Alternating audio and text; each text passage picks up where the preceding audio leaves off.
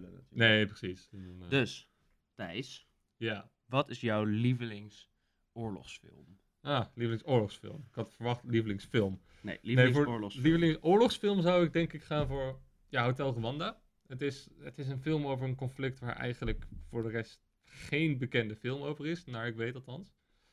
Welk Eh, conflict is? Dat is de eh, burgeroorlog in Rwanda? Of is het Rwanda tegen Burundi? eh, die- Nee, de nee, nee, De het is- Houthis en de Tutsis. Dus de eh, Hutus en de ja. Tutsis in eh, Rwanda. En je hebt gewoon, aan de ene kant heb je de, de machteloosheid van de hoofdpersoon, Paul Rusesabinga. Don Cheadle?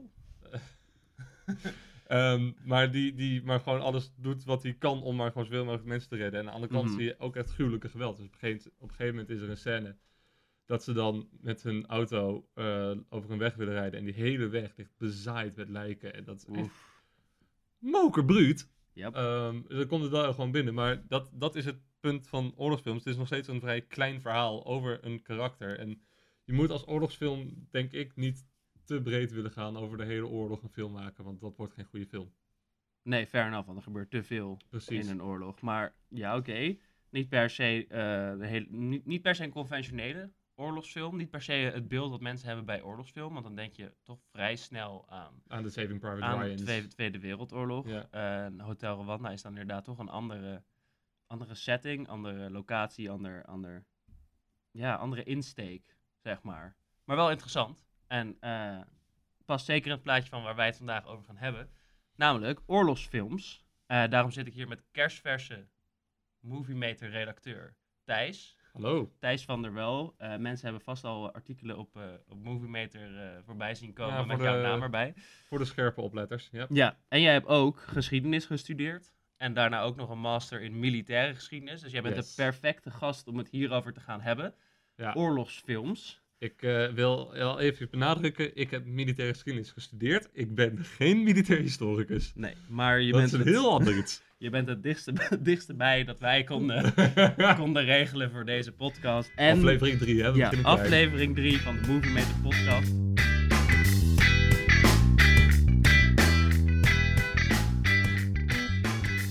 Welkom luisteraars. We gaan het hebben over oorlogsfilms, zoals ik dus al eerder gezegd heb. En we gaan ook kijken eh, welke oorlogsfilms er accuraat zijn en welke niet. Welke er goed zijn en welke niet. En eh, we zullen vast nog over heel veel andere interessante dingen kunnen praten. Want oorlog is een heel, heel populair genre. We hebben zelf natuurlijk gelukkig nooit een oorlog meegemaakt, maar Nog niet. Nog niet. Laten we eh, even afkloppen. Hopen dat dat niet eh, alsnog gaat gebeuren. Ehm, ja, Thijs. Zijn er oorlogsfilms die jij gezien hebt waarvan je dacht van, nou, hier klopt gewoon geen, hier klopt geen reet van? Ja, het eerste dat me te binnen schiet is Pearl Harbor. Aha. En dat komt vooral door het einde. Het, het einde van Pearl Harbor, het is even geleden dat ik het gezien heb hoor. Maar het einde van Pearl Harbor heb je echt zo'n zo'n voice-over die zegt van Pearl Harbor, het was een grote tragedie. En Amerika heeft eh, deze tragedie doorstaan, la di da di da, enzovoort Mhm. enzovoort. Terwijl, ja weet je, het is 1941 uit mijn hoofd. Eh, Europa ligt al voor een groot puin. Belgische dorpen zijn niks meer van over. En Amerika is één eh, marinebasis aangevallen. En oh nee, Amerika, het is zo'n groot lijden geweest. En we hebben het doorstaan. En oh nee. Ja. Ja, da- daar word ik altijd een beetje onpasselijk van. Ja, zo wordt het natuurlijk vaak neergezet. Vanuit Amerikaans oogpunt. Want hè, de films komen nou eenmaal meestal uit Amerika. En Amerikanen zijn geweldige helden. Allemaal stuk voor stuk. Ze waren zo belangrijk in elk major conflict ever. Maar ehm, zijn, er, zijn er films waarbij, los van dat, dat je gewoon denkt van... Oh, maar dit, dit klopt gewoon niet vanuit een, een militair perspectief. Dit is hoe ze het, niet hoe ze het zouden doen. Nou, het is, de meeste films zijn wel, zeker oorlogsfilms, zijn wel gewoon gebaseerd op een bepaalde slag, een, bepaalde, een bepaald karakter. Eh, maar ja, we hebben eh, Outlaw King van de week Die, eh, hebben wij, die hebben wij gekeken, inderdaad. Met Chris Pine over Robert Bruce. de stomste van de Chris's, maar Ja, ja jij film- hebt een hekel ja. aan Chris Pine, hè? ja, gewoon door zijn hoofd. Ik heb er verder niet echt een reden voor, Hij heeft een onsympathiek hoofd. hij heeft een jou. onsympathiek hoofd. Maar Outlaw King, als we het daar toch even over gaan hebben, want we hebben die natuurlijk gekeken, ehm, is ook niet eh, per se conventionele oorlogsfilm. Gaat ook niet over de Tweede Ja, Wereldoorlog. het gaat over de middeleeuwen. Ja. Dat ligt Lekker, lekker 14e eeuw, eh, eh, lekker, lekker 14e eeuws combat. Lekker bloederige zwaarden, Mali en Kolders. Ja. Heel veel Maliënkolders. Ja, wat vond je daarvan? Zagen die er een beetje goed uit? Nou ja, het is Malicolders, dus het eh, is gewoon heel lastig. Het wordt vaak heel shiny en dan moet het VFX weer moeite doen. Mhm. Je hebt eh, op de extra dvd's van Lord of the Rings, heb je de anekdote dat eh, een van de artiesten zei van, ja luister, Malicolders op tv is gewoon heel moeilijk. Je moet, eigenlijk moet je het zo doen. En toen hebben dus twee gasten van Weta, Ja. hebben tuinslangen in Ja. duizenden stukjes zitten knippen om maar gewoon Malicolders te maken die er goed uit zouden zien. Ja. Nou is dat natuurlijk wel 20 jaar geleden en eh, ruim. En Outlaw King is 2018, dus ze zagen er nu wel beter uit dan waarschijnlijk toen mogelijk was. Ehm, maar ja, weet je, dat, dat is het met die outfits, eh, de, de, de Malicolders, de schilden, de zwaarden. Dat, dat, ja, dat zit er allemaal wel gewoon prima in tegenwoordig. Maar het gaat vooral over die, die laatste slag, de Battle of Loden Hill. Mhm. Ehm, ja, met Robert de Bruce tegenover Edward II volgens de film. Probleem is, ja. Edward II zat niet in die slag. Nee, hè? Nee. Dat, dat dacht ik ook al, dat dat niet klopt. Nee, precies. En eh, ja, dit, eh, het is misschien een beetje spoilers dit, maar aan het einde wordt in die slag, volgens de film, wordt Edward II verslagen in een één op één duel met Robert de Bruce. Hij ligt op de grond en hij mag gewoon weglopen van iedereen. Ja. Ja, hij is een, hij is een koning van een vijandige staat. Ja. Die laat je nooit ontsnappen. Die, Nee. die ga je niet doden, neem je krijgsgevangenen. Yep. Maar dan heb je ook weer een punt eh, met deze film. Eh, Edward II was nog helemaal geen koning, want Edward I overleed pas na de veldslag en niet voor de veldslag zoals in de film. Ja. Dus dan zie je meteen waarom dit gebeurd is. Want ja, eh, natuurlijk is hij niet gedood of krijgsgevangen genomen, want hij moest buiten Ja. de veldslag zijn aan het eind van de veldslag. Ja. Dus ja, sowieso moeten ze een beetje de dingen aan elkaar knippen. Maar waar ik echt kwaad over was, Oké. was dat je Valance had. Dat is dan zo'n ridder van, nou, ik weet even niet welk huis, welke, van welke plek hij een eh, Mhm. duke was of count. Maar hij zit op een gegeven moment, is een eentje op een paard. Yep. Tussen, gewoon in het midden van de veldslag. Ja. En met allemaal speren om zich heen. En niemand denkt van, weet je, dit is een belangrijke generaal. ja. Ik heb hier een speer. paard af. eh. Daar is een paard. Speer gaat in paard. Man valt op de grond. Zwaard gaat in man. Weet je, dat, dat, dat, het kan niet dat hij daar niet Nee. eh, van zijn paard afgetuind is. Nee, precies. Maar hè, dat, is, dat zie je vaak in films. Dat sowieso hoofdpersonages met hun plot armor midden in een veldslag ook gewoon de tijd hebben om even rond te kijken naar... Oh nee, deze veldslag gaat niet de goede kant op voor, voor ons. Oh, ik heb even een flashback naar een ander moment. Ja. Oh, oh, en om hem heen allemaal vechten. Maar hij, hij is een Ja, hoofdpersoon. het, Dus- het ene laatste seizoen van Game of Thrones had eh, ook wel een mooie. Dus, dus niet Ja. het laatste seizoen, het ene nee, laatste. de, de Battle of the Bastards? Of Nee, niet Battle of the andere? Bastards. Nee, het is eh, die, die slag dat ze op een gegeven moment eh, met de draken en alles de Lannister-karavaan gaan aanvallen. De supply Oh, lines. ja. En dan eh, kan eh Bron, dus- terwijl er overal, eh, eh, hoe heet het ook weer op de paarden? Dothraki. De Dothraki zijn overal, maar Bron die kan gewoon naar de drakendodende ballista wandelen en kan gewoon 1, 2, 3 pijlen afvuren zonder dat iemand het door heeft. Dat is ook, Ja, dat soort dingen, daar, daar word ik wel echt een beetje kriegelig van, ja. Dat, dat, is, dat zie je zo vaak. Ja. dat soort dingen is echt, Nee, echt, ja, en eh, dat, dat, veel eh, voorkomend iets in de filmwereld. Ja, dat de, de, de middeleeuwen hebben er wel wat meer last van dan, dan de, de 20e eeuwse conflicten. Ja. Ik denk dat middeleeuwse films er ook makkelijker mee wegkomen. Ja, je hebt eh, Omdat toch een helder niet- verhaal. Dat ook. En wij weten niet hoe het was toen. Nee. Dus niemand zal zitten van, om, ik heb nog gevochten in de slag. Dat er een of andere veteraan ik heb nog gevochten in 1300 en dat Ja. klopt niet. Nee, precies. Terwijl je dat bij de, de, de Tweede Wereldoorlog films nog wel zou hebben. Daarover gesproken, heb jij Dun Dunkirk gezien? Ja, zeker waar. En ehm, de, de veteranen die ze, die ze die film hebben laten zien, zeiden dat het heel accuraat was. Ja. Behalve dat het geluid nog, nog veel harder was dan dat zij het toen in het echt Ja, nou ja, het- als ik me goed herinner, vond, eh, zeiden ze echt van ja, het, het geluid, het, eh, ik werd er gewoon echt bang van, weer Mhm. opnieuw. En dat vond Christopher Nolan zelf ontzettend leuk om te horen. Aha. Superleuk. Ja. Posttraumatische stressstoornis! Over die film gesproken. ehm, is dat, wa- was, was alles, want dat, wat er op de stranden en op de boten en zo eh, werd, werd, eh, werd neergezet, was volgens mij behoorlijk accuraat.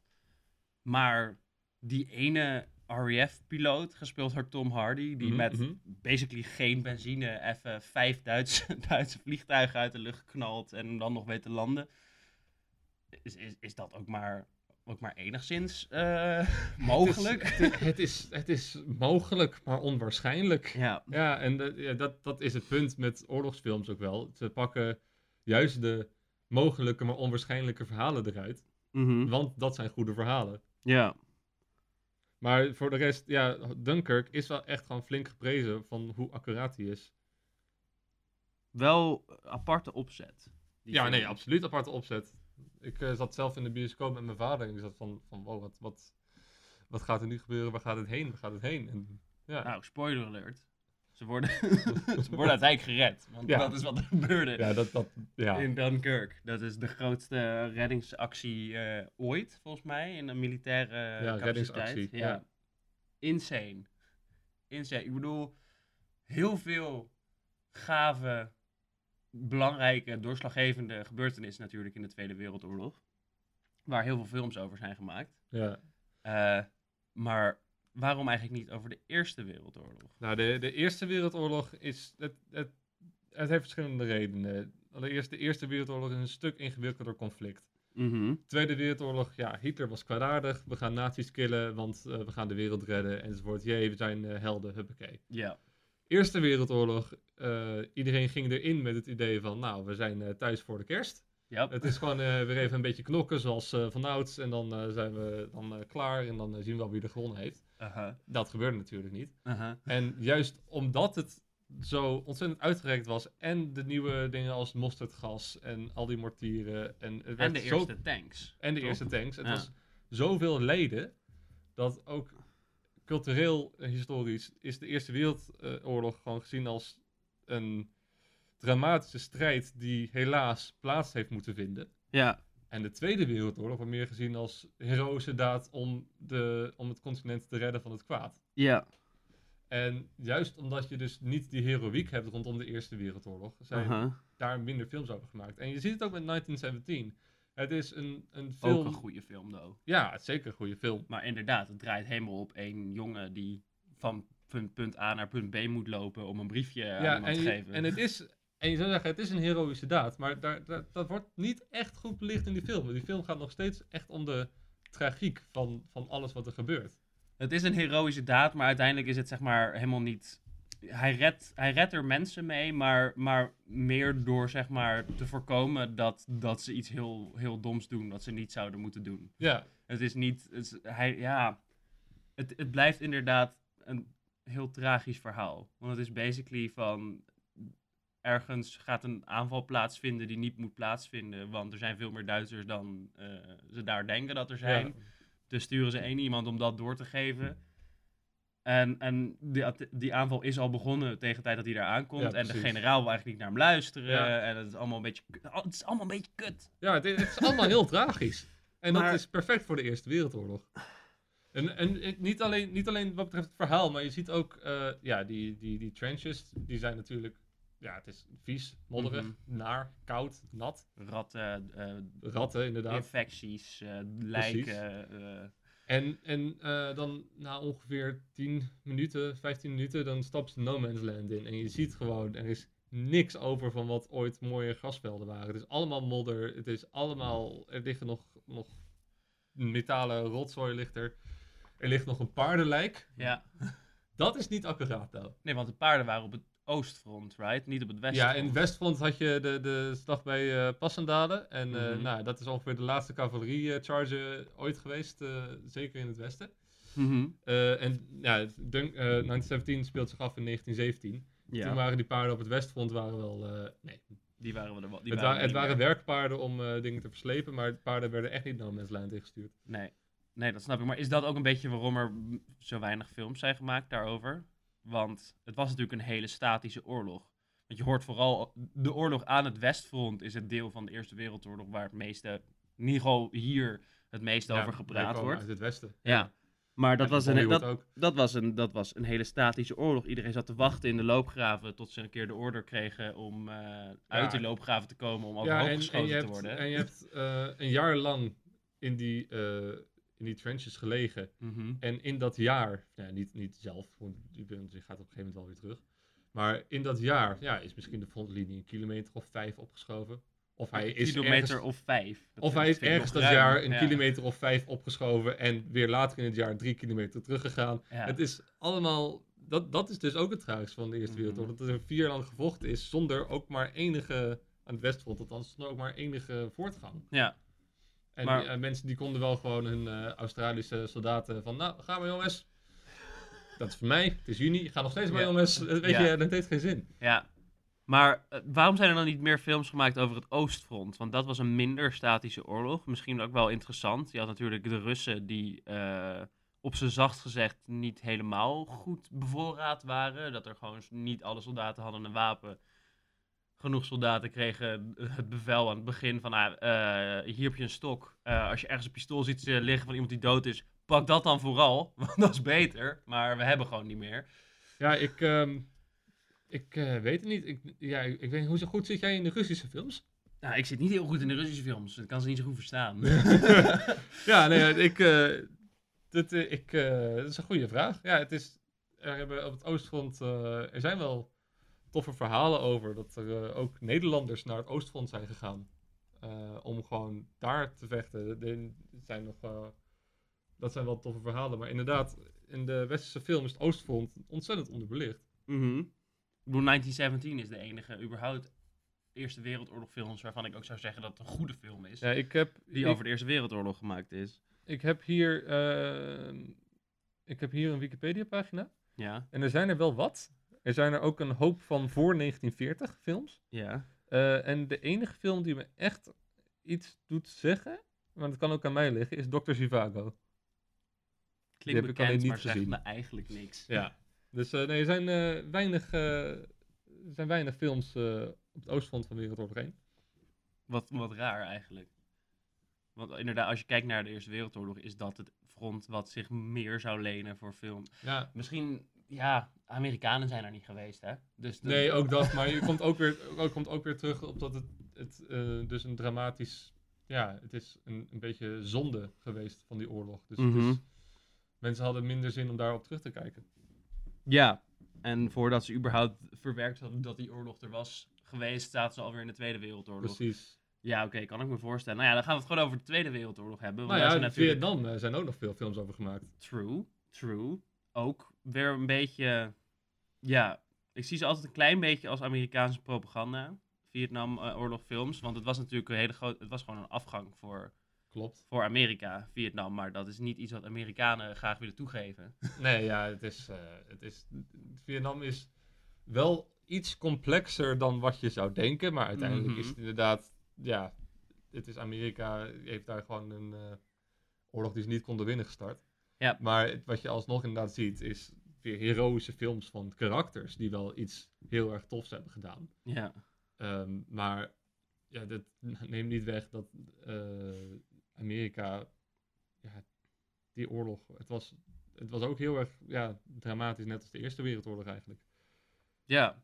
En tegelijkertijd waarom er daar wel zoveel films over zijn gemaakt, is omdat één, film was al een heel volwassen medium tegen de tijd die oorlog plaatsvond. Mhm. Er werd ook daar aan het front veel, veel gefilmd. Ja, Het werd ook wel bij Eerste en ook wel Tweede Wereldoorlog, maar wel echt heel sporadisch. ja. En twee, ja, die oorlog is een stuk recenter. Mhm. En eh, de mensen die de leeftijd hebben van onze ouders, ja, die hebben in Amerika dat gewoon op de tv actief meegekregen. Mhm. En de demonstraties eh, over en weer. Ja, nee, fair enough. Maar tegelijkertijd, wat je ook wel weer ziet in veel van die films, is ja, gewoon hoe brutal het was. Je hebt Vietnam, wel- ja. Je hebt echt wel, ik bedoel, in, in, in Forrest Gump heb je natuurlijk al dat eh, Lieutenant Dan zijn benen kwijtraakt en daar eh, nou, niet al te vrolijk van wordt. Ja. Je hebt eh, verschillende scènes dat mensen ja, met napalm geraakt worden en wat gewoon heel erg naar is. Agent Orange. Precies. Oh. Ja, het is, eh, het, dat, dat is wel met Vietnam. Het wordt wel gewoon heel goed bruut weergegeven. Ja, en het was natuurlijk ook daar, iedereen kon de vijand zijn. Het was Ja. verschrikkelijk. Het was elke Vietnamees uitziende persoon kon eh, lid van de Vietcong zijn. Ja. Of eh, achter elke boom zou een, een ambush kunnen zitten. Elke, Precies, ja. ja. Ja, en, en wat je, dat is wel zo'n leuk detail, waarop je, de meeste films letten er wel op, maar je ziet bijvoorbeeld officieren in Vietnam, Mhm. Die hadden nooit hun speldjes op hun eh, revers zitten.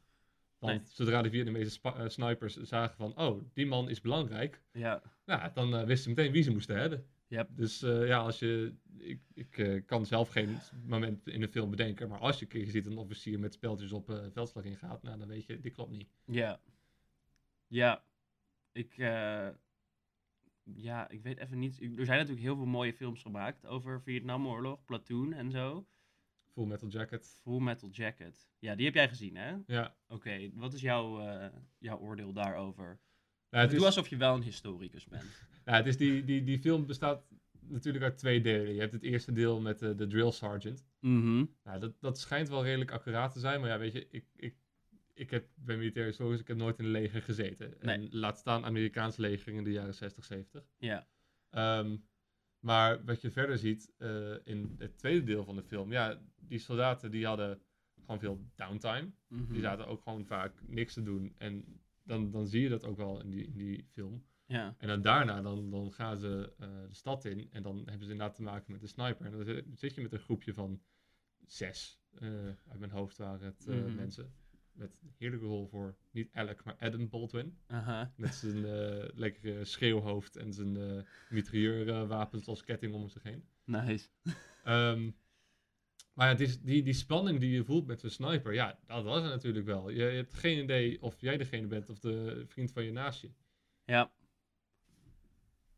Ja, sowieso sniper. Maar het- worden snipers überhaupt accuraat neergezet in oorlogsfilms? Want snipen was heel moeilijk. Je moest rekening houden met de wind en de afstand en de eh, eh, honderd verschillende factoren. Terwijl heel vaak is het gewoon van, oh, ik ben een sniper. Oh, even mikken, bam, dood. Ja, nee, dat, dat klopt dus niet. Nee, maar bij Full Metal Jacket is daar dus wel dat er gewoon, dan zie je dus wel dat er echt op tijd genomen wordt tussen de schoten. En eh, het is wel even geleden dat ik hem gezien heb hoor, maar, maar dat, het is dus niet inderdaad dat je zo'n sniper hebt, en dat zie je wel in sommige films, dat is van pam, pam, pam, pam, pam, pam, pam, ze zijn Ja. dood. Nee, er zit wel inderdaad echt goed tijd tussen.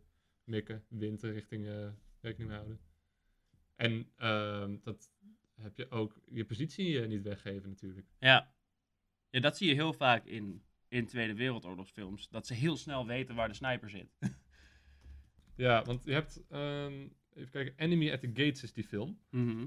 Heb je die gezien? Met Nee. eh, Jude Law? Nee, ik heb helaas niet alle oorlogsfilms gezien. ik ben een heel groot fan van het genre, maar je moet er toch maar wel de tijd voor hebben om elke oorlogsfilm... Ja, nee, absoluut. te gaan Nee. Enemy at the Gates eh, gaat over, dat is eh, Oostfront, Tweede Mm, Wereldoorlog. Tweede Wereldoorlog ook, oké. Ja, het gaat over eh, de slag bij eh Is het. Stalingrad? Of... Stalingrad? Leningrad? Oké, dit gaan we Volgens mij, editen. ik hè? neem aan Stalingrad. Leningrad. oh, echt? Ja, alhoewel? I mean, je zou zeggen dat het over de slag bij Stalingrad gaat, want dat, nee, was, Stalingrad. dat was de meest intense, Nou, bloederige eh, veldslag ever, waar zo'n... Maar, eh, maar Jude Law speelt daar Vasily Zaitsev. mhm. En Vasily Zaitsev is in Rusland wel gewoon redelijk een held, omdat hij als sniper zo ontzettend veel kills op de nazi's had gekregen. Mhm. En in die film gaat het dus ook echt heel erg over het snipen. En ehm, dan eh, op het einde van de film ehm, levert een karakter levert dan een opoffering door van achter cover vandaan te komen, Mhm. zodat hij neergeschoten wordt door de Duitse sniper, Ja. zodat Jude Law dan de Duitse sniper kan neerknallen, want dan weet hij waar hij zit. Ja. God damn. Ja. Dat is wel echt... eh, dat, is, dat is nog eens een offer. Ja, maar Ja. sowieso Stalingrad was echt insane. Ja, dat is, eh, dat is eh, Die slag was echt... Maar het Russische leger was überhaupt insane. Ja. En heel erg, ook on- heel erg gedisorganiseerd. Of tenminste niet goed georganiseerd want, door die purges van, in, eh, eh, van Al Stalin. meteen in het begin van die film, Enemy at the Ja. Gates, zie je ook gewoon, eh, worden Russische soldaten worden per twee Mhm. eruit gestuurd. Eén van de twee krijgt een wapen. Ja. En dat is zo absurd. Maar dat is, oh, Rusland in die oorlog is sowieso. eh, ja, er zullen vast veel Russische films over gemaakt. Zijn er veel, veel Tweede Wereldoorlog films over het Oostfront überhaupt? Want het was natuurlijk hartstikke, hartstikke interessant. En het was uiteindelijk het front dat tot aan Berlijn eh, kwam. De Russen hebben uiteindelijk Ja. Berlijn eh Berlijn en daar voorbij. Ja. Terwijl de geallieerden vooral in Frankrijk zaten. Ja, eh, dit, dit, zijn er, dit zijn er een stuk meer. ja, dat dacht ik al. Van de Oostfront van Wereldoorlog 1 zegt Wikipedia dat er 29 zijn. Ja, Wereldoorlog 2 zijn het er 101. 101. Ja, Gewoon meer dan drie keer zoveel. ja precies. Sick, ja. En eh, hoeveel daarvan zijn over de slag bij Stalingrad? Eh, poef. Ja, dat, dat kan ik niet zo zeggen van de Wikipedia-pagina, man. Want de slag bij, slag bij Stalingrad was, ik denk, een van de belangrijkste slagen van de hele Tweede Wereldoorlog. Ja, klopt. Daar, En de daar meest bloederige- het eh, Oostfront wel redelijk. Ja, meest Nou, bloederige, nou- meeste, meeste nou doden ik- aan beide kanten. Klopt. Nou zeg ik wel, wel redelijk, maar het is, het- het- er is niet één kantelpunt aan het Oostfront geweest of zo. Dat, maar ik denk dat als je een kantelpunt zou moeten aanwijzen, dat Stalingrad dan wel nee, een goede precies. is. Maar het is, eh, dat, dat is ook heel erg iets dat van oorlogsfilms komt natuurlijk. Er is niet zoiets als één kantelpunt. Nee, nee, nee, fair enough. Ja, zeker niet in de 20e eeuw. Daarvoor had je nog wel een beslissende slag. Waarom ook, ja, nu gaan we weer terug. Mooie full circle. Ja, De hele reden waarom eh, men dacht dat de Eerste Wereldoorlog, eh, we zijn thuis voor kerst, was Ja. omdat iets als de Frans-Duitse oorlog in 1871, ja, dat was het één beslissende slag. Dan was het duidelijk wie had gewonnen en men ging weer naar huis. Ja. Dus men dacht dat het ook weer zou gaan beginnen op die manier in de, twe- in de Eerste Wereldoorlog. ja. Maar het verschil is natuurlijk dat de Fransen ze toen niet per se zagen aankomen. Ja, Bij de Frans-Duitse oorlog. Dat Bismarck toch wel eh, zat van, oké, we hebben nu... eh, ja, en ons, ons leger werkt. We hebben getest tegen Denemarken. Laten we lekker Frankrijk inmarcheren. En Frankrijk hadden En, nog eh, net hun brietjes in de koelkast eh nou ja, en, Duitsland had beter equipment. Ja, En wat vooral natuurlijk belangrijk was, is dat Napoleon III gewoon gevangen werd genomen in die slag. Dus ja, Ja. dan kan je alles maken wat je wil. yep. Als we dan even teruggaan naar de Tweede Wereldoorlog. Waar de meeste films over zijn gemaakt. Ja. Want ik, we moeten het hebben over Saving Private Ryan. Saving dat, Private Ryan. dat kan, daar kunnen we niet omheen. Ja. om, om Saving Private Ryan. En dan eventjes de, de D-Day Ja, landing. Wordt toch wel gezien als, als een van de meest accurate zeker. En terecht. weergaves van... Nou, sowieso, eh, oorlog is hel. Ja. Dat, oorlog is hel. Elke film die die doet denken dat oorlog niet hel is, liegt. Ja. En de D-Day scène van Saving Private Ryan is een perfect voorbeeld. Dus overal chaos. Overal heel harde geluiden. Overal doden. Overal bominslagen. Overal alles. Je hebt schreeuwende mensen die ledematen kwijt. Je ziet uiteindelijk zo'n soldaat, je ziet hem in, in de chaos rustig rondlopen op zoek naar zijn andere arm, die ergens in het water ligt. Nee, ja, dat, dat, dat soort shit.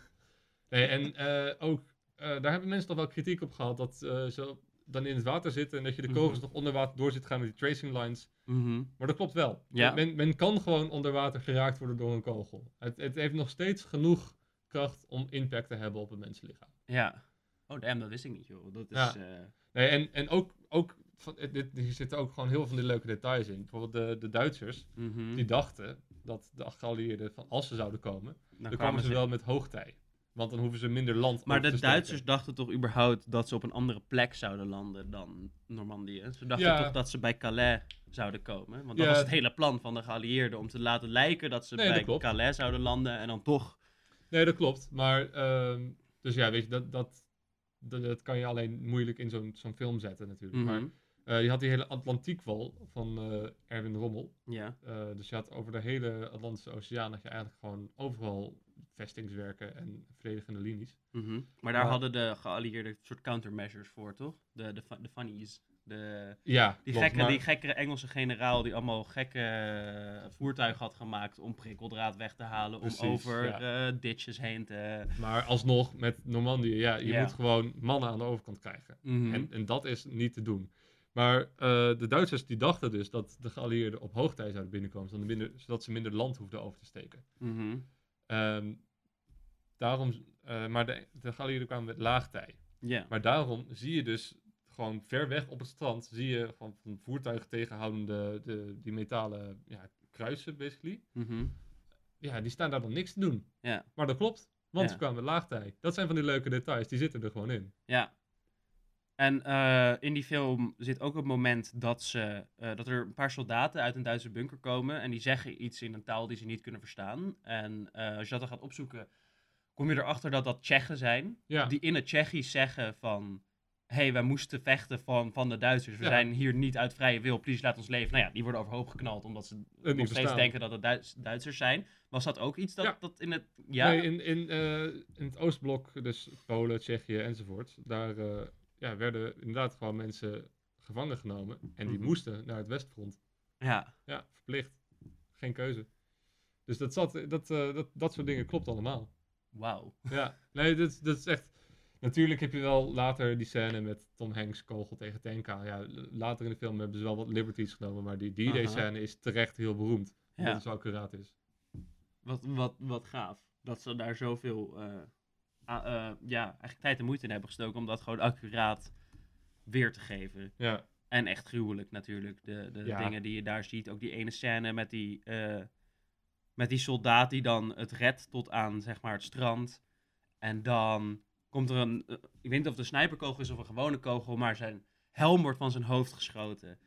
En hij pakt die helm en hij kijkt ernaar. En hij zit van holy shit. En, en, en Tom Hanks kijkt naar hem en zegt van. Jij bent echt de luckiest, luckiest guy op de pla... Alsnog door zijn ja hoofd. nou ja, stil, Verschrikkelijk. stilstaan, niet Ja. doen. stilstaan niet doen. Of in ieder geval als je stil, eh, stil bent, liggen, laag, achter iets. Zodat je in ieder geval niet, eh, niet geraakt kunt worden. Ja, Maar Saving Private Ryan, een van de beroemdste oor- oorlogsfilms.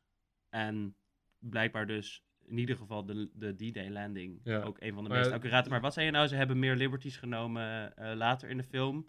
Welke scène bedoel je dan? Die met iets met een tank? ja dus er zijn dus, er zijn dus wel gewoon een paar, paar echt historische nou ja, fouten, wil ik het niet per se noemen. Maar ja, het is Inaccuraatheden. precies. Dus je had Utah Beach en Omaha Beach. Het duurde echt vrij lang voordat die twee groepen samenkwamen. En dat Mhm. in deze film, ja, was het toch wel ietsje sneller dan het eigenlijk was, zeg maar. Ja, oké. En, en je hebt ook bijvoorbeeld een, een panzerdivisie. Nou, die, eh, eh, die zijn er tijdens de Battle of Vermel. Ja. Maar die waren er helemaal niet in de man tot aan juli. En ook niet op die plek. Ze waren... Als in geallieerde tanks. Nee, nee, nee, de panzer. Oh, de, de, de Duitsers. Duitsers. ja. Ja. De, eh, maar die waren er nog niet tot aan juli. En ze waren er toen maar wel 160 kilometer verderop. Ja. Dus ja, want dat was een ding, toch? Dat, eh, ze, omdat ze niet wisten waar de geallieerden zouden landen. En ze hadden nog maar een beperkt aantal panzerdivisies over. Ja. En die twee generaals, de eentje bij Normandië en de ander bij Calais, zaten van... Oh, maar de tanks moeten sowieso hierheen. ja, Want ze komen hier. En toen koos Hitler uiteindelijk voor de allerkutste oplossing. Namelijk de helft van de tanks daar en de andere helft van de tanks de andere plek. Waardoor Ja. allebei eigenlijk te weinig tanks hadden. Voor... ja, dat, dat is oorlog. Dus eh, je, je weet het niet allemaal. En eh, dus ja, zijn er tactische fouten. Ja, en dat, Dat- ja, maar ehm, als we het dan even hebben over hele goede oorlogsfilms. Ik eh, hoorde jou laatst over de Bridge Too Far. ja, A Bridge Too Far. Daar wil ik het wel even gaan, want dat is Nederland. Like, nou, het, is, het is geen Nederlandse film, maar hij speelt Nee, nee, zich nee, net maar af speelt in zich Nederland. af in Nederland, want ze wilden natuurlijk Arnhem. Ja, Eh, Operation, Operation Market Garden. Ja. Alle bruggen van eh, weet ik veel waar tot aan Arnhem moesten in geallieerde handen Ja. komen. ja het is, die, die film de, die klopt echt best wel prima. Alleen het is één heel sneu ding. En dat heeft namelijk te maken met de, het karakter van de legerleiding. Die, eh, nou ja, het lijkt in de film alsof je een beetje van... Ja, dat, dat zijn neppanzers. Ja, nee, het is, Mhm. komt echt wel goed. Nee, het is echt allemaal prima. Ja. Eh, nou ja, dus dat, daar, daar hebben de, de, de nabestaanden van die man, nou, die hebben eh, toch wel gewoon vrij openbaar geuit dat ze echt niet tevreden zijn met hoe die daar eh, afgespiegeld wordt. Mhm. Maar voor de rest, ehm, het klopt echt best wel prima. En het zit ook vol met heel erg leuke details. Het is de, ehm, de acteur die John Frost speelde. Dus de, Mhm. John Frost was de man die in Arnhem daar, het, ehm, daar de brug verdedigde. Ja. Eh, die heeft daadwerkelijk nog interviews gehad met allemaal veteranen. En eh, van ja, een Engelse officier Mhm. hoort niet te rennen. Want rennen toont aan dat je bang bent voor de vijand. Ja. Een Engelse officier, dit kan je natuurlijk echt makkelijk voorstellen in een Brits Porsche Ja. accent. Ja. Een Engelse officier dient altijd te wandelen. Ja. Maar ja, die man, die acteur, die dacht van knallen, overal. Je moet daar naartoe. Help. Het is gewoon uit automatisme gaan rennen. Ja. Dus dat is niet, niet accuraat? Of was dat meer een fabeltje? Was dat meer van Engelse officieren horen niet te rennen, maar in de praktijk? Ja, natuurlijk. tuurlijk. Dat is, dat is, dat, ja, in de praktijk gebeurde dat ook echt wel. Ja, dat kan ik me voorstellen, ja. Ehm, andere goede oorlogsfilms, die, eh, ik bedoel, ik moest deze film erin doen, zoals sommige mensen misschien al weten, is Fury mijn Ja, lievelingsfilm. ja Mijn- jouw mijn- Brad Pitt. Mijn eh, Brad Pitt obsessie is daar zeker, zeker een onderdeel van waar- waarom ik die film zo goed vind. Maar eh, ik vind het ook gewoon een hele unieke insteek van de Tweede Wereldoorlog. Want de Tweede Wereldoorlog was natuurlijk een gigantisch conflict. Ja, En in Fury eh, maak je dat conflict een beetje mee eh, vanuit, de, de, vanuit één tank, zeg maar. Het, het, het draait om één tankcrew in, in één kleine ruimte van, van die tank. En je ziet vanuit daar zie je die, de, de gruwelen van de, van de Tweede Wereldoorlog, zeg maar. Ehm, en daarin gaan ze uiteindelijk met drie eh, geallieerde tanks. Moeten ze het opnemen tegen één Duitse eh, Tiger tank. Nou, die Tiger maakt in principe gewoon echt gehakt van ze. ja. Eh, hoe accuraat is dat? Like, hoeveel sterker waren Duitse tanks Nou ja, ten opzichte van dat- geallieerde tanks? Het was inderdaad, eh, die, die Tigers die waren veel sterker. Maar het probleem was dat de Duitsers één zo'n tank konden maken, terwijl de Britten vier nou, ja, minder goede tanks Ja. eh, eruit knalden. Dus wat je had, is dat je had een tank om de Tiger af te leiden. En dan Mhm. konden andere tanks vanaf andere kanten, konden dan die Tiger wel gewoon goed aanvallen. Dus ja, je, je zou sowieso altijd minstens één tank kwijtraken aan zo'n Tiger. Ja. Maar omdat je er dus drie of vier meer maakt dan die Duitsers, is dat alsnog netto winst. Ja, ja, in Fury is er dan wel echt drie tanks. Eh, want ze, ze chargen sowieso met z'n vieren in een lijn op die Tiger. Ja, dat is niet handig. Dat is niet handig, hè? en, en drie van die tanks sneuvelen. En dan die laatste tank, waar dus Brad Pitt en, en zijn crew in zitten, die moeten dan in echt een, een heroïsche moment, moeten ze die tank zien te, flank, te outflanken, zodat ze hem aan de achterkant kunnen raken, zeg maar, waar dan een weak spot zou zitten, eh, waardoor die tank dan uitgeschakeld is. Was, was, was het zo simpel? Was het echt gewoon van, ja, eh, raak zo'n tank eh, op een bepaalde plek aan de achterkant en het is gedaan? ja, Of, het- die tanks hebben uit- uiteraard wel weak spots met, met waar benzine tank zit en uitlaten of weet ik veel.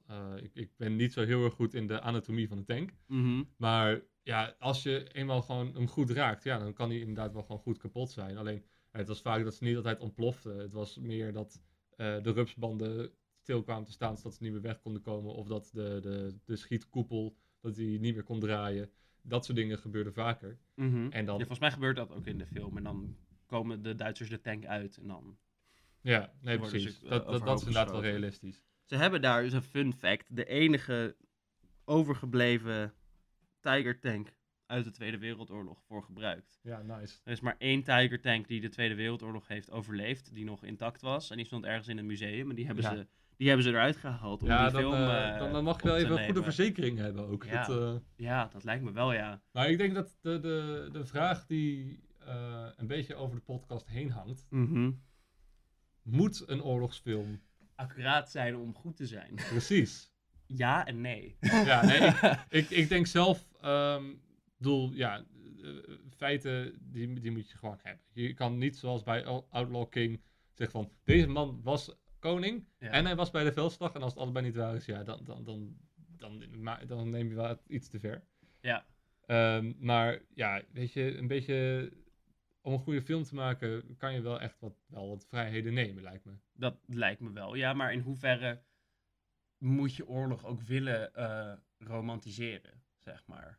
Dat is een heel andere in vraag. hoeverre moet je oorlog mooier willen maken dan het is geweest? Nou ja, ik, ik denk niet dat je oorlog mooi zou moeten willen maken. Ik denk dat je, ja, dat oorlog is hel. Yep, Dat, ja, dat doen ook wel veel films goed. Dat dat gewoon goed naar voren komt. true. True. Maar mooi willen maken, ja, je kan wel heroïsche daden van, van individuen, kan je natuurlijk wel eh, vieren. Kan je in het spotlight zetten en daar een inspirerende moraal uithalen. ja, true. Wat wel ook is wat films doen. Ja. Ik bedoel, maar neem een, eh, neem een film als 300. Ja, Is in principe ook een oorlogsfilm. ja, Was een hartstikke heroïsche daad. ja. Maar was ook een heroïsche daad waarvan het basically al vanaf het begin duidelijk was dat dat niet ging slagen, zeg maar. Nou ja, de, de, de, de slag ging dus niet winnen, maar het Nee. doel was wel bereikt. Dat Ja. anders. Ja, precies. Maar bij dat soort films van zo lang geleden, ja, Ja. hoe accuraat kun je het überhaupt maken? Nee, Want ja, er is zo weinig bekend Ja, dan, over dan moet je dat- roeien met de riemen die je hebt natuurlijk. En eh, nou, het is... eh, die- Maar die film heeft wel echt wat liberties genomen. Oh, dat je denkt van, dat was echt niet nodig. Nee, Eh, het is ook die... het, was, het, het vervolg was nog erger, maar überhaupt hoe de persen er, eruit zien. Het is echt heel erg eh, de westerse civilisatie tegenover de oosterse inboorlingen. En dat is, ja, Ja, met echt monsters. En, Ja, en- precies. en vage gedrochten en, daar- immortals die dan ook... eh, ja, dat is, die, daar hebben ze voor gekozen, maar dat is natuurlijk wel allemaal een klein beetje bullshit. Maar ik vind, het is toch ook een beetje jammer of zo. Want die Immortals van de, van de Perzen, dat was echt een... Dat waren intense eenheden, zeg maar. Dat, was, dat waren een soort special forces die gewoon... Het Ja. was hartstikke... Maar Cool, eh. tegelijkertijd weten we er niet zoveel van. Nee, true, maar we weten wel dat ze geen gekke monsters waren die Nee, maskers nee, moesten dragen om een... Nee. nee, klopt.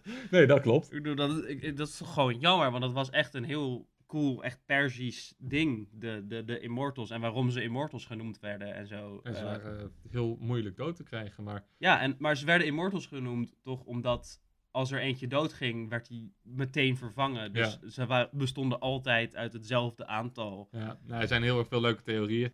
Maar wat maakt, wat maakt oorlogsgenre dan zo populair? We houden van oorlogsfilms. Dat, dat, is, dat is nou eenmaal een gegeven. Oorlogsfilms worden, aan de, worden er zoveel gemaakt. Ja, het is zo'n... Er is een natuurlijke soort van, van spanning en ehm, ja, het is, het is actie. We houden van actie, we houden van, We houden van van- spanning, we houden ja. van mooie verhalen. En dat zit er wel gewoon in een oorlog. Ja, is het ook een beetje van opdat we niet vergeten Ja, dat het gebeurd sowieso. is. Ja, Maar ja, in, in, in hoeverre verbaster je de herinnering aan de oorlog zo erg met zoveel films dat mensen een beetje kwijt gaan raken wat echt gebeurd is en wat eh, in, in films gedaan is omdat het beter werkte. En Ja, nee, omdat dat- het mooier, dat- dat is het eh, risico. mooier was. Ja. Omdat het, want je hebt... eh, natuurlijk, er zijn altijd wel gewoon van historici, eh, niet alleen in, in papers en boeken, maar mhm. Je hebt ook eh, ja, armchair historics die Mhm. gewoon op YouTube eventjes gewoon heel erg edgy alle fouten in films gaan langs gaan. Mhm. Kan je een leuke druilerige zaterdagmiddag mee besteden. Ja. Dus, eh, Maar- er, is, er is genoeg informatie als je er naar op zoek gaat. Ja, ja dat, geloof ik, dat geloof ik zeker. Maar het, het oorlogsgenre, het is zo overbelicht, eigenlijk. Van de, de Tweede Wereldoorlog zijn zo Ja, heel ontzettend veel. films gemaakt. En elke film eh, belicht het net op een, net op een andere manier. Ja. Eh, dat de meeste dingen die ik over de Tweede Wereldoorlog wist, was van films. ja, dat snap ik. En zeker als je die eh, films als jong, als jong persoon kijkt, dan ga je denken dat dit is hoe het gegaan is. Ja, ik, ik denk wel dat elke film, tenzij je Inglourious Basterds neemt bijvoorbeeld, maar ja, maar elke da- daar ligt film er ook wel een beetje eh, de, de, de verantwoordelijkheid voelt mhm. om het wel gewoon goed te vertellen. Maar als je het over Inglourious Basterds hebt, dan heb je het ook wel over een film waarbij het er heel dik bovenop ligt dat dat niet is hoe het is dus dan kan dat. En weer Brad Pitt, love it. Hitler ging niet dood in een bioscoop. Nee, maar dit waren twee eh fictie, fictiecomplotten tegen, tegen Ja. Hitler. En wat als... Ja, die man, die man heeft 43 eh moordcomplotten of zo overleefd, Hitler. Dat, eh, Ja. Als we dan toch over Hitler hebben, moeten we het eigenlijk ook even over Der Untergang hebben. Ja, Wordt gezien als een van de betere oorlogsfilms, maar is het wel echt een oorlogsfilm? Want de echte oorlog zie je niet nee, in dat die is film het. echt. De- je, ziet, eh, je ziet generaals, je ziet Hitler zelf, je ziet Mhm. eh, een man... eh, Heel goed gespeeld ja, trouwens, nou ja, Hitler in die film. Primo Guns, dat is eh, fantastisch. Dit, ik bedoel, er is een reden dat, dat die, eh, dat die scène zo gememd is. Dat is gewoon omdat het zo goed overtuigend geacteerd is. Maar, Maar ja, het is. Ja. Het is een vrij uniek. Eh, unieke manier om die oorlog te laten zien. mhm. En ja, we weten niet wat Hitler tegen zijn generaals heeft gezegd. Nee. Eh, we weten niet wat Hitler zijn laatste woorden, woorden waren. ja, dat is al- allemaal niet bekend. Dus ja, daar, daar moet je wel allemaal wat vrijheden in nemen. Maar Mhm. eh, volgens mij, en dat, dat zou, daar zou iemand in een reactie mij op kunnen verbeteren is wat er getoond wordt in die film, wat, er, wat ze vertellen tegen elkaar, wat er gebeurt in de oorlog, is wel gewoon accuraat. Ja. Maar dan, dat kan ook wel. Want dan, ja, het is gewoon het narratief van de oorlog. Daar kom je niet heel snel in de knoop. Nee, precies. Want het is natuurlijk heel, eh, zoals we in het begin al zeiden, Hitler was de bad guy, eh, de geallieerden waren de helden. Ja. En dat leent zich gewoon beter voor ja, het vertellen van, van verhalen, Ja, in principe. Ehm, en dan heb je de Pacific kant van die oorlog tegen Japan. ja, En daar zijn ook weer heel veel films over gemaakt. Want daar waren de Amerikanen veel actiever eh, Precies, ja. bezig. Nou heb ik het idee dat in Nederland die films toch minder in trek zijn. ja? Nou, Ja, ik dat, weet niet. dat is mijn Ik- eigen idee hoor. Ik heb ehm Hacksaw Ridge dus gekeken. Ja, En dat gaat dan over eh, de slag om Hacksaw Ridge. Op Ja. een van die Pacifische eilanden. Zo'n hele hoge... Ja, ik weet Cliff. niet. Ja, hele hoge cliff. En daar bovenop zitten de Japanners. eh, Ja. basically. En daar worden bataljon na bataljon eh, soldaten naar boven Ja, gestuurd. ja, eh, ik- die ik- helemaal... Ik ken die slag niet, maar het lijkt me wel gewoon echt vrij hopeloze missie ook. Ja, Ik bedoel, Je komt even in met je kop over de klif uit te kijken, ja, ze zien je aankomen. Ja, nee, maar dan. de, de- daar werd dus getoond dat de Japanners. Want in principe op de klif komen. Nou, oké, dat lukte. Natuurlijk veel slachtoffers, maar dat lukte. En eh, ze, ze pushten de Japanners dan terug. En ze dachten van: oké, cool. Wij hebben de Japanners die hier nu zijn, hebben we verslagen. We kunnen nu gewoon rustig de nacht gewoon eh, met z'n allen hier gaan wachten. En dan morgen dan eh, pushen we verder.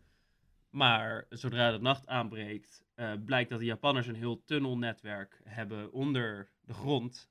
En worden ze gewoon geambushed door Ja. echt, echt honderden Japanners die gewoon vanaf onder de grond eh, ja, hun, hun, voorbereid. hun posities eh, bestormen.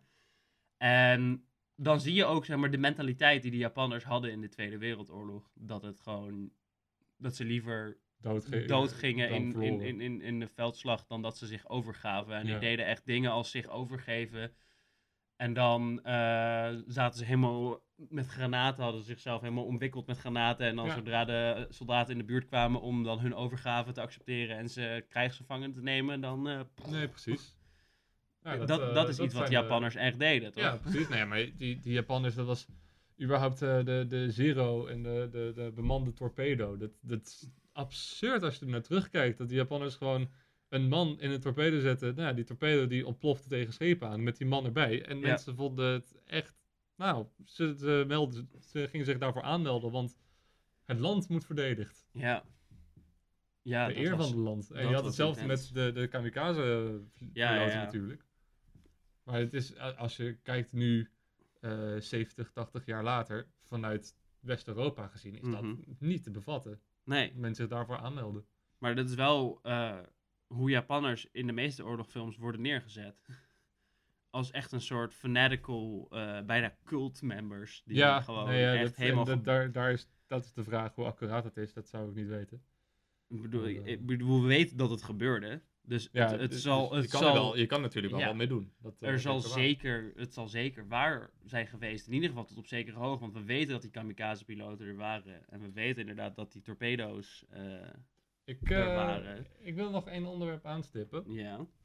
Humor in Oh. oorlogsfilms. Ja. en of dat mag of niet. Hoe, in hoeverre kan het? Want eh, je hebt natuurlijk War Machine. War ook met Brad. Pitt. Ook met Brad Pitt. They in the other guy. Ja, heb ik die gezien, of course. Ja, die heb ik, nee, ik heb hem ook gezien. Dat- want dat zat ook wel vrij dichtbij waar ik met mijn master maar dat is, was. dat is satire. Het, Eh, het is compleet satire, en het is, maar het is tegelijkertijd wel heel waar. Ja, Het is, je hebt zo'n absoluut, het gaat dan over hearts and minds winnen van het volk. En dan is het daadwerkelijk een Amerikaanse soldaat, die staat onwerkelijk al met...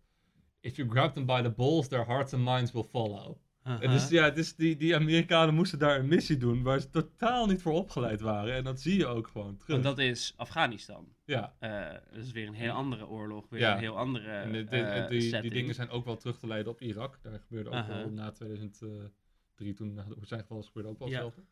Maar je hebt ook, de, de, de film is losjes gebaseerd op Stanley McChrystal, Amerikaanse Mhm. generaal. Mhm. En ehm, nou, hij eh, zat ook op een gegeven moment bij zo'n presentatie.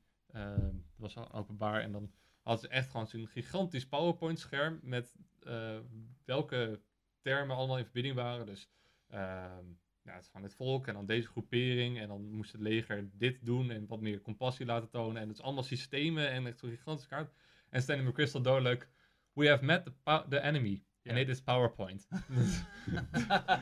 Dat- maar dat soort dingen. Dat, War Machine is helemaal niet zo ver weg van de realiteit. Nee, en toch is het, het is satire, maar dat zit hem vooral in hoe die karakters worden neergezet. Want Ja. ze worden natuurlijk een beetje over de top als karikaturen van zichzelf neergezet. Maar in principe is dat inderdaad een beetje hoe het ging. Ja, En maar ik denk dat dat een beetje eh, ik denk dat dat een ander ding is dan wanneer je een, een, een oorlogsfilm over de Tweede Wereldoorlog maakt en je gaat er humor in, eh, in, in, in verwerken, zeg maar. Want het is een soort social commentary op, op de situatie daar. Ik denk dat dat inderdaad kan, omdat dat conflict gewoon heel erg recent is en, en, en basically nog steeds een beetje bezig is.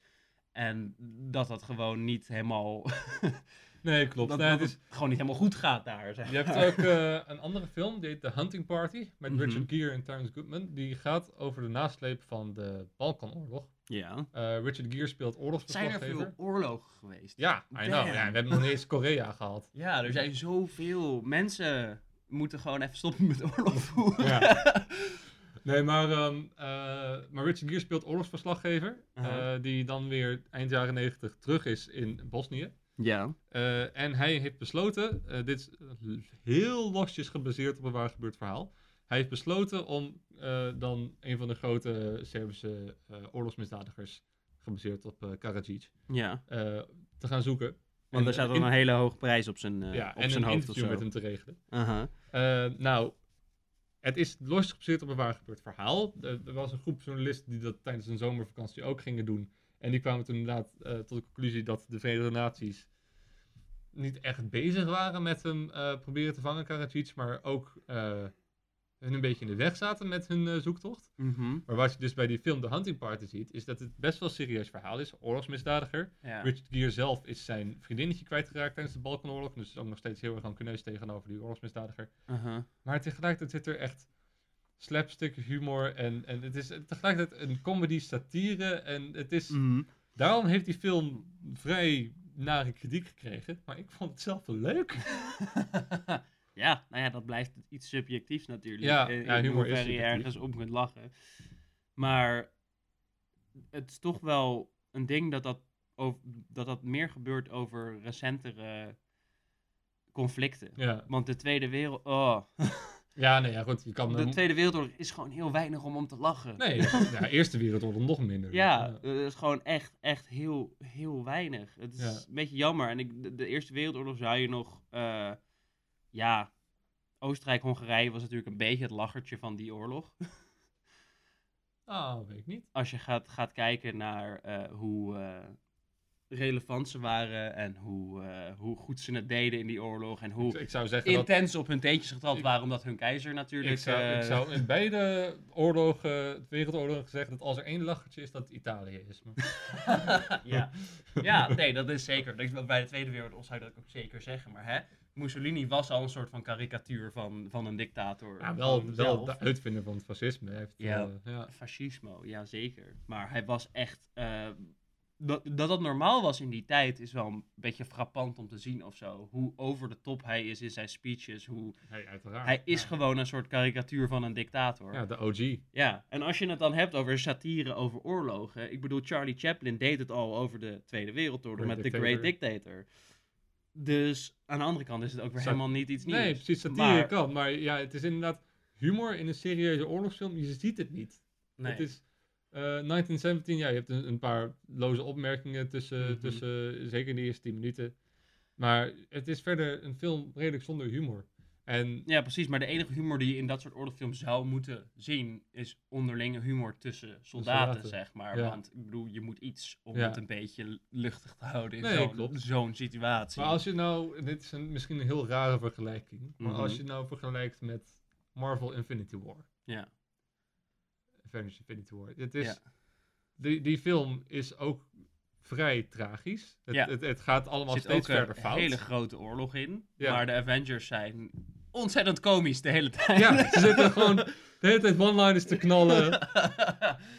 ja, zou ik ook doen als ik een dude met su- superpowers was die basically zit van ja, ik bedoel, als er iemand doodgaat, probably die normale guys daar. Ik ben fucking Thor, God of Thunder. eh, I'm probably fine. Ja, dus, maar, maar het is, daar kan het. ja.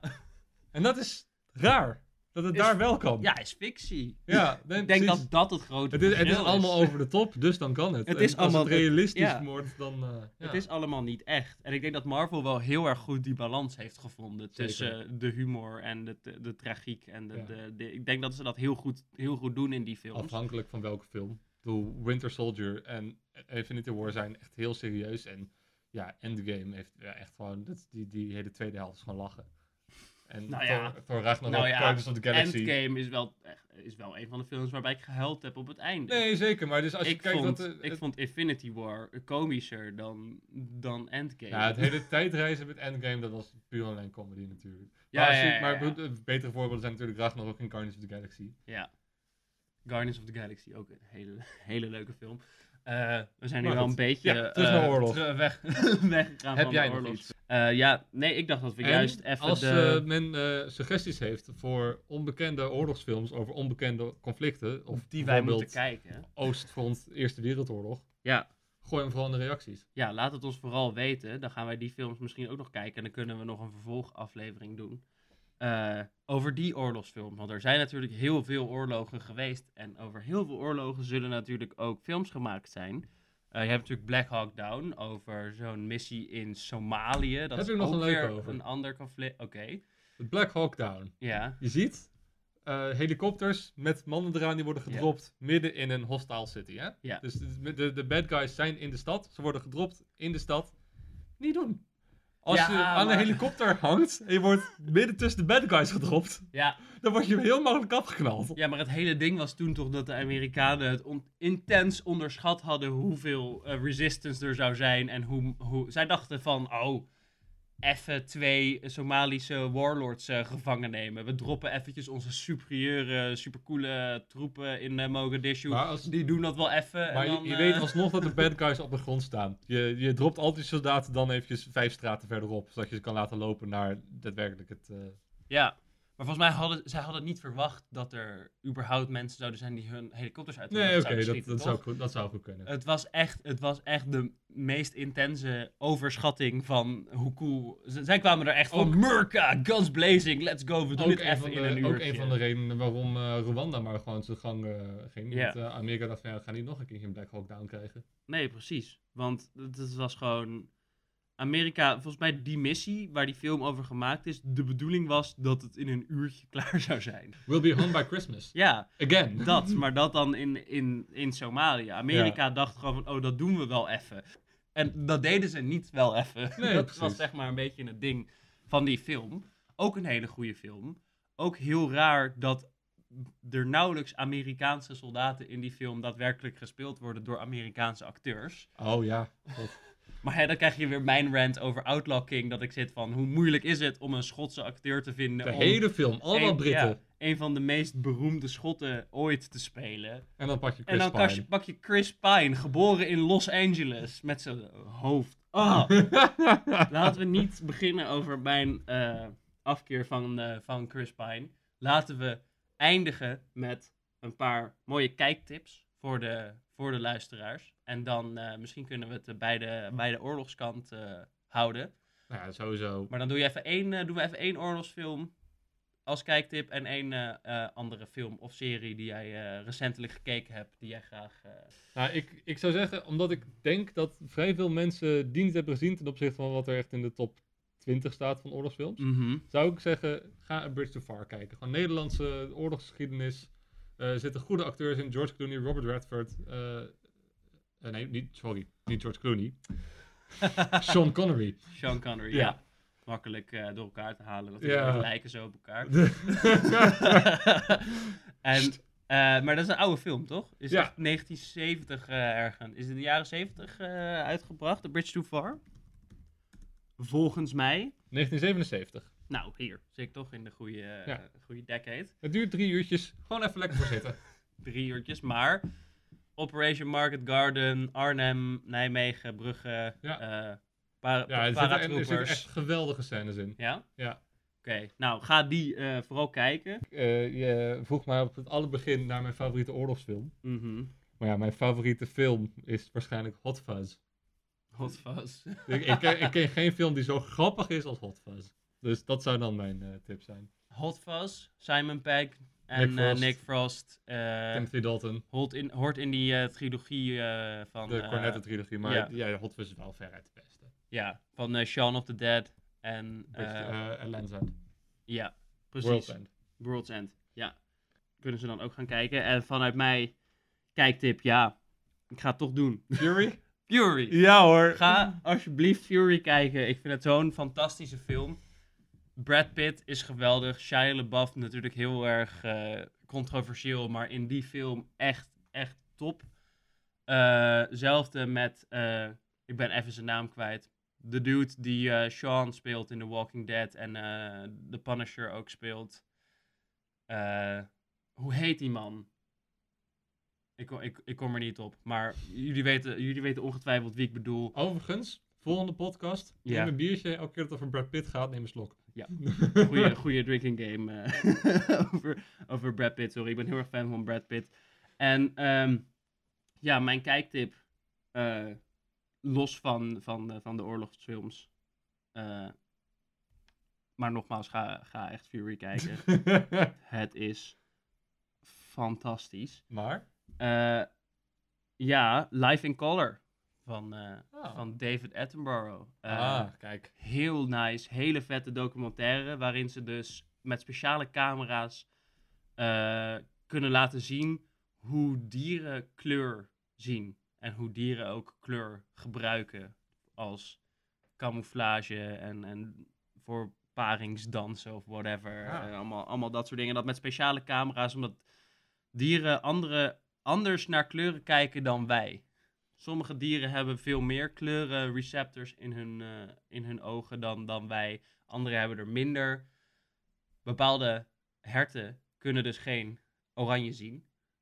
En dat is waarom tijgers oranje zijn. Ah, kijk.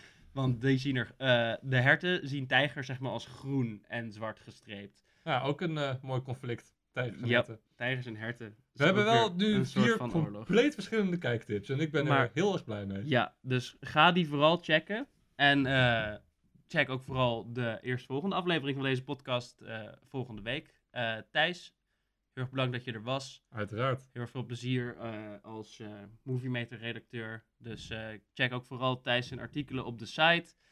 En wil jij nog iets zeggen? Eh, ja, geef dus je reacties op eh, oorlogsfilms die niet zo bekend zijn, die we wel moeten zien. Ja, geef überhaupt je reacties op eh, deze podcast. In het algemeen willen jullie als luisteraar graag betrekken bij deze hele experience. En tot volgende week.